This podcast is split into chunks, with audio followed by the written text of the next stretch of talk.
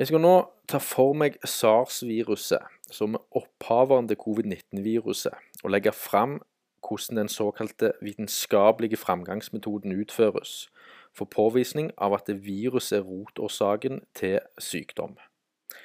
Dette har òg alt å si for valideringa av covid-19. For som tidligere nevnt, så refereres det alltid til opprinnelige SARS-studier når det dreier seg om en bekreftelse på en isolering av covid-19-viruset kalt SARS-CoV-2. I studiet jeg tar for meg, hevdes det at en fullstendig genomsekvensering er utført av viruset, som vil si at en fullverdig DNA-RNA-identifisering har blitt gjort på viruset. Men hvordan ble det virkelig eh, utført? Jeg starter med å forklare hva studiet sier for så å ta for meg avvikene og innfallsvinklene som det overhodet ikke tas stilling til, men som heller skyves til sida som om det ikke eksisterer. Studiet starter med at det ble tatt prøver av hals, svelg og nase av totalt fem pasienter med symptomer på SARS, som i alle tilfellene tilfredsstilte de kliniske kriteriene lagt fram av WHO. Typisk feber over 38 grader celsius eller høyere. Respirasjonsrelaterte symptomer som hoste, kortpusthet, vanskeligheter med å puste etc. Samt eh, hypoksi og antydninger på lungebetennelse bl.a. Prøver av spytt og snørr fra de fem pasientene ble inokulert, enkelt sagt blanda sammen med apekattnyre, kalt verocelle. Og som tidligere sagt i andre kjappiser, disse her verocellene skal være en stabil cellekultur som såkalt virus må blandes sammen med, siden virus per definisjon ikke er levende og behøver derfor en vert for å kunne eksistere og påvises in vitro, som vil si da i reagensrør på laboratoriet. Det ble òg brukt annen cellekultur eh, enn verocelle i dette studiet, her, men hva type spesifiseres ikke. Men typiske eksempler er bindevevsceller fra mus, nyreceller fra rotte-kengurufamilien, eller fra hunnkjønna menneskefoster etc. Når denne cellekulturen bestående av spytt og snørr blanda med apekattnyre fikk godgjøre seg i 5-11 dager spesifikk, så oppsto cytopatisk effekt. Som vil si strukturelle endringer i cellekulturen, så det sies skyldes en viral infeksjon. Når nok cytopatisk effekt var observert, ble neste steg i prosessen å subkultivere cellekulturen, som vil si å fjerne det opprinnelige mediet cellene befinner seg i, og, og overføre cellene til et ferskt medium for å kunne gro fram mer virus. Så cellekulturen gjennomgikk i denne forbindelsen en inkubasjon, eller med andre ord en rugeperiode på spesifikk ei uke. Og etter subkultivering og, og denne inkubasjonen så utførtes det en test kalt immunfluorescens for å påvise antigen i cellekulturen, som da skal være synonym, unnskyld, synonymt med en viral infeksjon. Det påpekes i studiet en reaktiv respons i denne forbindelsen, som for enhver leser da antyder til en positiv respons.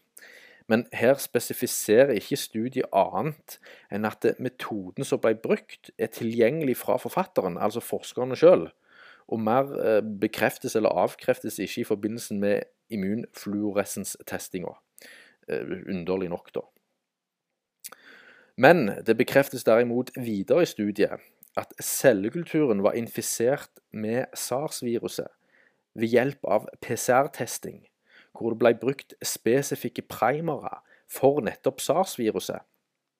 Og Disse primerne er en sekvens, altså en tallkode av nukleotider, eller proteinsekvenser kan du òg kalle det, som er byggeklossene til DNA og RNA, og definerer hva som observeres, som i dette tilfellet SARS-viruset.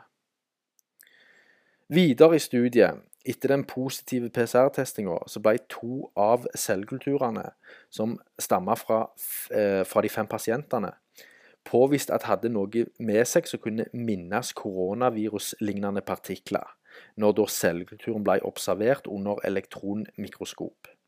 Men ingen bekreftelse ble gitt beskrives det i studiet. Men om det så kunne be, eh, bekreftes med nøyaktighet på 100% og ble påvist i alle celleprøvene, så har det faktisk ingen korrelasjon til hva som gjorde pasientene syke i utgangspunktet.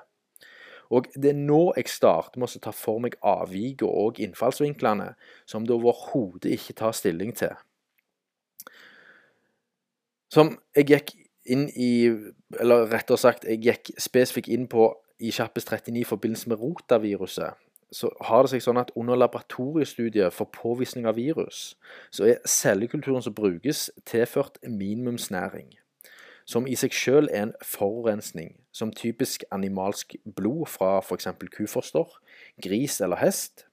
Og denne minimumsnæringa besitter da DNA, RNA og generelt et hav av fremmedlegemer som uten tvil øker forurensninga i cellekulturen enda mer enn den opprinnelig var fra pasienten. Og merk, dette her er kun ett eksempel på flere forurensninger som tilsettes.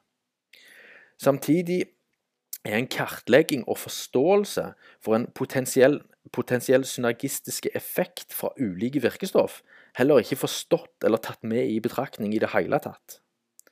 Så cellekulturen bokstavelig talt sultes, dehydreres og har blitt ei suppe av kjemiske og ikke-kjemiske sammensetninger før han observeres gjennom elektronmikroskop eller f.eks. en immunfluoresenstest. Og som jeg sa, så ga jeg en detaljert innføring i dette under Kjappes 39. Men i dette studiet her er det ikke spe, eh, spesifisert hva som puttes inn i oppskrifta, for å si det sånn.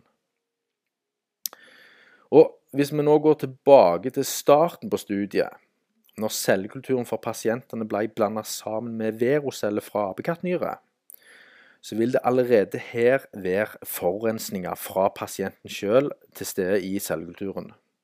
Forurensninger som pasientens eget eh, DNA og RNA, og avfallsprodukter fra snørr og slim, som i seg selv består av enda mer forurensninger fra fremmedlegemer og organismer som igjen består av forurensninger som arvestoff osv. osv. Alt dette blandes igjen med tilsetninger som typisk minimumsnæring av kufosterblod, salte, aminosyre og antibiotika. Så hvis vi er ute etter å isolere et virus som vi mener er årsaken til sykdom her, hvorfor fjernes ikke forurensningene?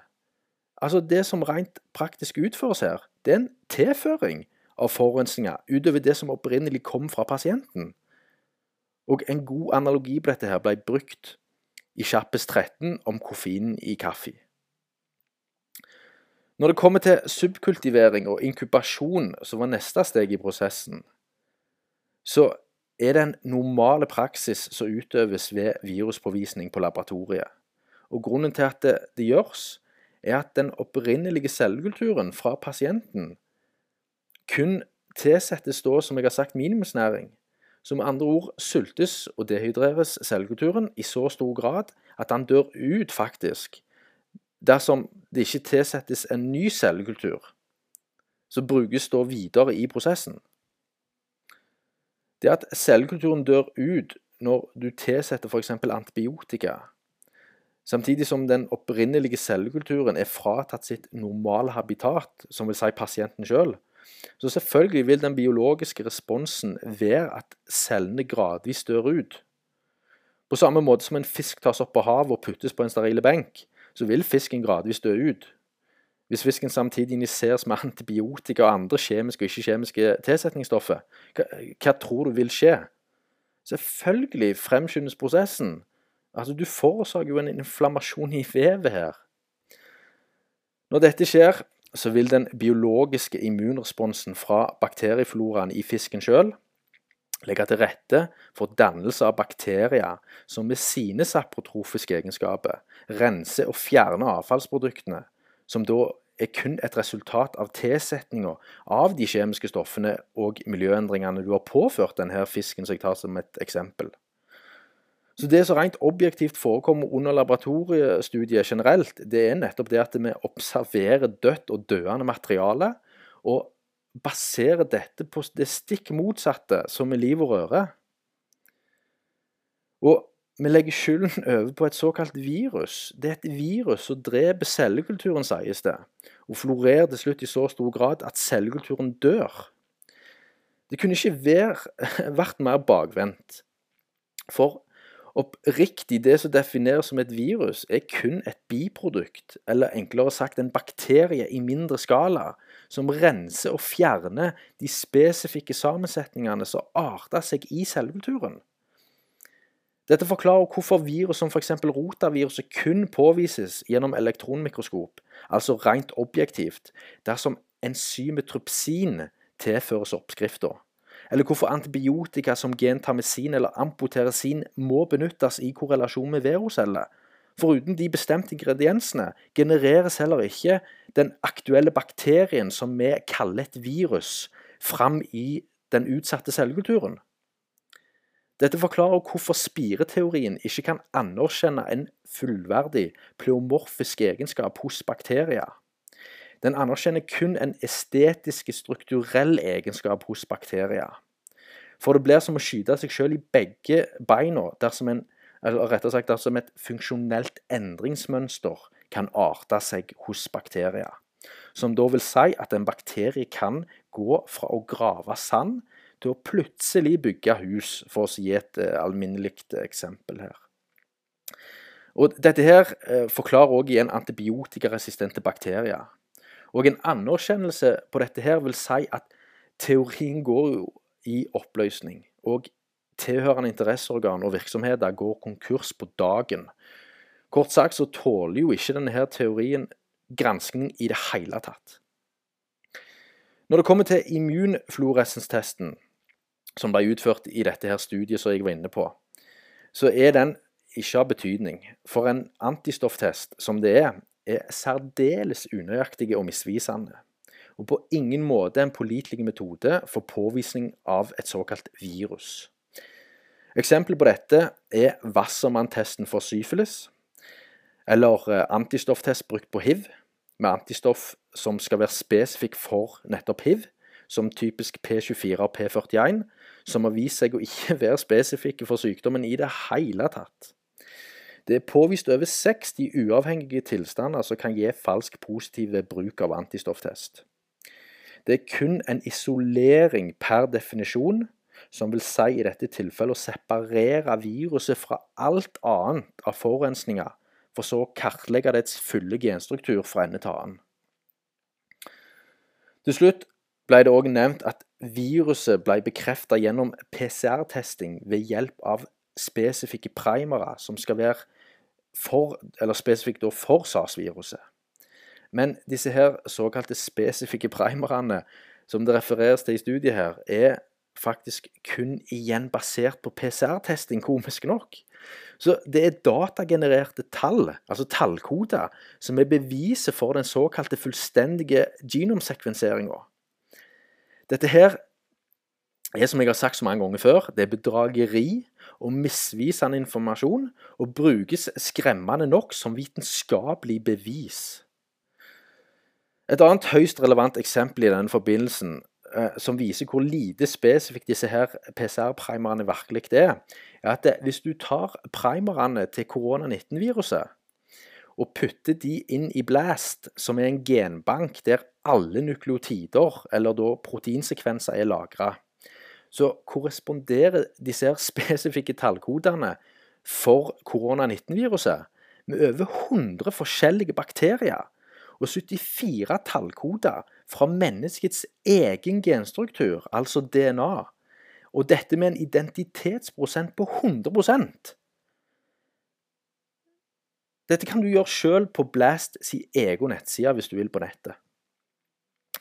Når det er sagt, så er det mer informasjon om PCR-testen i Kjappes 18. Det er og forblir en surrogattest med egenskaper som ikke egner seg til diagnostisering, på samme måte som en eh, fisk ikke er meint for å klatre i tre.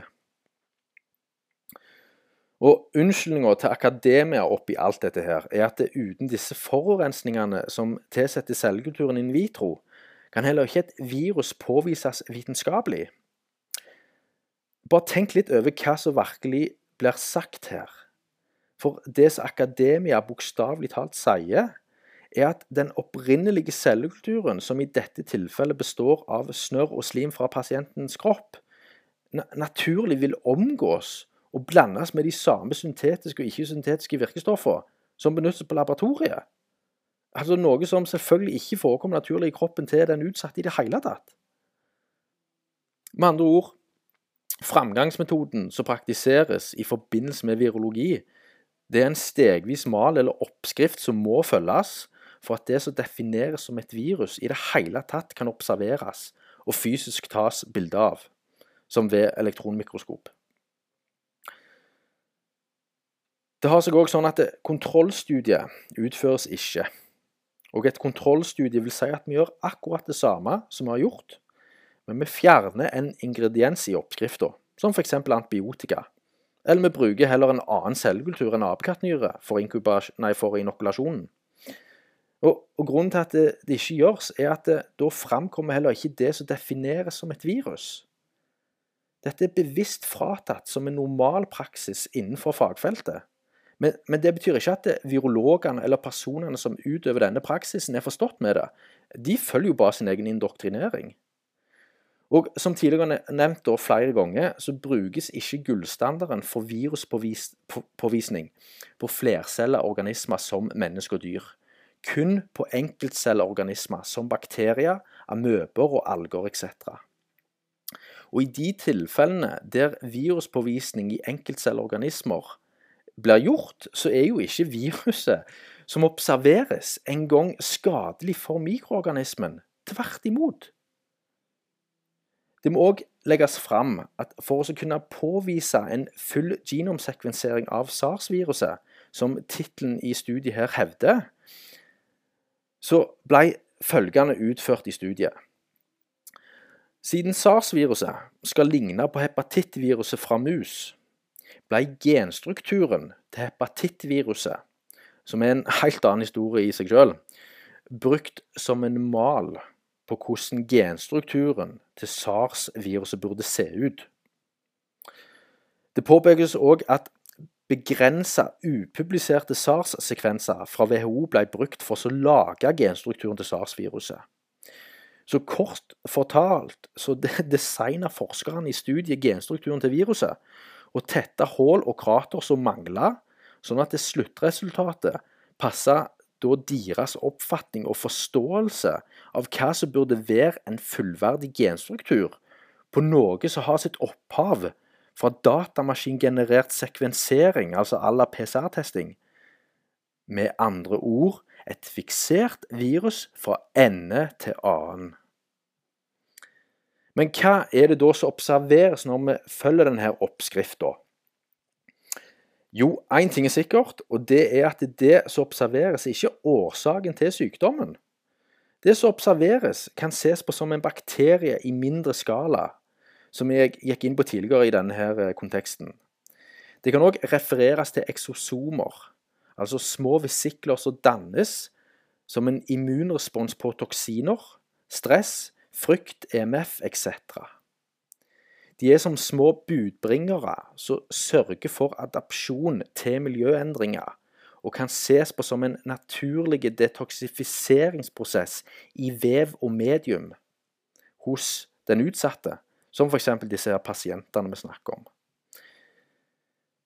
Det mikroskopiske bildet av disse her eksosomene de er identiske til virus, som f.eks. covid-19-viruset, inkludert den genetiske strukturen. De binder seg til og med til de samme reseptorene i celler. Og det er ingen såkalte vitenskapelige studier som tar eksosomet med i betraktning som en potensiell kandidat for feiltolkning som et virus. Så dropp for oppriktig vitenskaps skyld maske, munnbind, vaksiner, og begynn å leve livet ditt som aldri før. Denne snøballeffekten her har så vidt begynt å rulle, og vil dra med seg mer enn kun en misvisende tilnærming til infeksjonssykdom. Tro meg.